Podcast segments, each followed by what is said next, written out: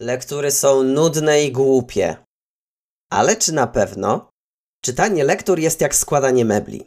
Można to robić na czuja i po kilku godzinach męczarni pewnie uda się Wam złożyć szafę, ale szybko może się okazać, że szuflady się nie otwierają, półki trzymają się na słowo honoru i zostało Wam trochę za dużo śrubek. No chyba, że skorzystacie z instrukcji, dzięki której robota pójdzie Wam szybciej, sprawniej i na pewno nie pominiecie żadnego ważnego elementu. W programie Lektury bez cenzury przygotowujemy dla Was instrukcje, dzięki którym ogarniecie każdą lekturę. Dzięki naszym opracowaniom bez problemu przebrniecie przez dzieła Mickiewicza, Słowackiego, Prusa czy Sienkiewicza, a przy tym nie zrazicie się do czytania. Co więcej, nie tylko pomożemy Wam w przygotowaniach do matury, egzaminu czy lekcji, ale też spróbujemy udowodnić, że lektury mogą być naprawdę ciekawe i wciągające. Słuchaj i obserwuj lektury bez cenzury i przekonaj się, że lektury wcale nie muszą być nudne.